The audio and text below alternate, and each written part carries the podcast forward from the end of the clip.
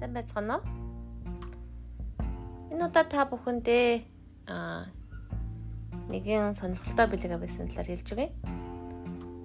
Тэгэхээр нийтээр карантин 14-ийн 13. Тимд хэл ярих хуваар яригч нь тайлбарлахын тулд залбираг. Тэгэхээр хар хэлийг тайлбарлах бэлэг авсан талаар нийтээр карантин 12 дахь гардаг. Бурхан хар хэлийг өгдөг бөгөөд хар хэл нь хэд хэдэн янз байдаг талаар та бүхэнд хэлсэн. Бүр олон үндэсний хэл буюу тухайн хүн монголоор ч юм уу, японоор эсвэл хятадаар, англиар ярьдаг тухай хэлжсэн. А түнчлэн өөр одоо хар хэл байдаг. А тэгээ utterance буюу одоо баба баба сарара гэж гэдэг юм уу тэгдэг юм одоо хэл байдаг те. Тэгэхээр хар хэлний одоо орчуулга гэж ярьдаг яг үндэ тайлбарлах байна тийм үү. Тэгэхээр тийм хэл ярих угаар яригч нь тайлбарлахын тулд залбирах гэж байгаа. Тэгэхээр ихэнх хар хэлээр ярьдаг хүмүүс тайлбарлахгүй байдаг. Хар хэлээр ярьдаг хинж хар хэлээ тайлбарлах бүрэн боломжтой.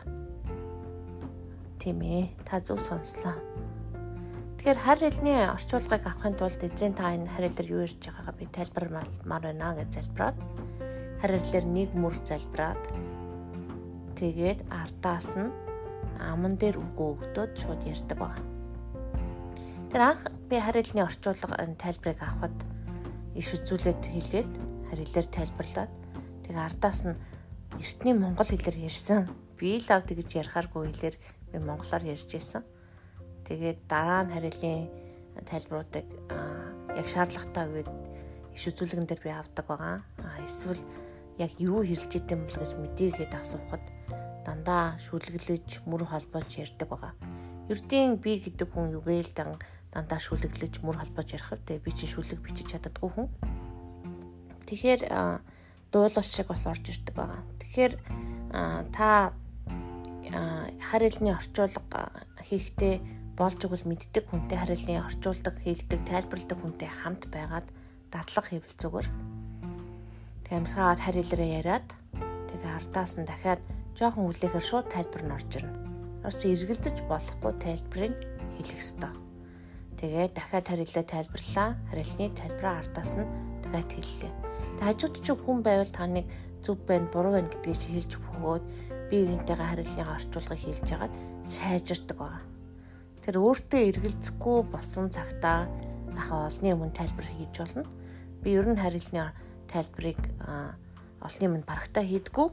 Яг онцгойлон зарим пасторудаар өгсөн иш үзүүлгүүдээр тэг пастор нь иш үзүүл харилцаар залбираад би яжууд нь тайлбар хийх юм уу тийм тохиолдол байдаг. Гэхдээ тэр нь өөрөө хүсэж байгаа тохиол. Тэрнээс биш зөвхөн өөртөө болон хань ижил эсвэл хамгийн дотны хүмүүстэй энэ бүхнийг хийдэг. Ядвал би энэ биелэг авьяасагныг одоо бүр одоо миний онцгой бэлэг боллоо ерөөсөө биш. Би зүгээр л яг энэ яг ингэж болдог гэдгийг сонсоод тэгээ би давтаж хийсэн чинь орж исэн байгаа. Тэгэхээр таа ч гэсэн энэ бүхнийг сонсоод дахиж давтах үед орж ирэх болно. Тэгээл үргэлж биш юм аа гэхэд яг харилаар залбирлаа. Ардаас нь ингээд шууд нэг үйлбэр залбираад хүлээн. Тэгээд орчуулга нь хэлээ нэг үйлбэр залбирлаа. Тэгээ орчуулга нэрлээ. Тэгж хичээгээрээ тэгээд яг энэ ишлэлээр залбирахад болно. Ишлэлээ дахиад хэлж өгье. 1-р Коринтын 14-13. Тийм хэл ярих угаар яригч нь тайлбарлахын тулд залбираг. Тэр хэл ярьж л байгаа бол та тайлбарлах бас бүрэн боломжтой. Тэгээд үнийг ариун сүнс өөрөө хийдэг шүү.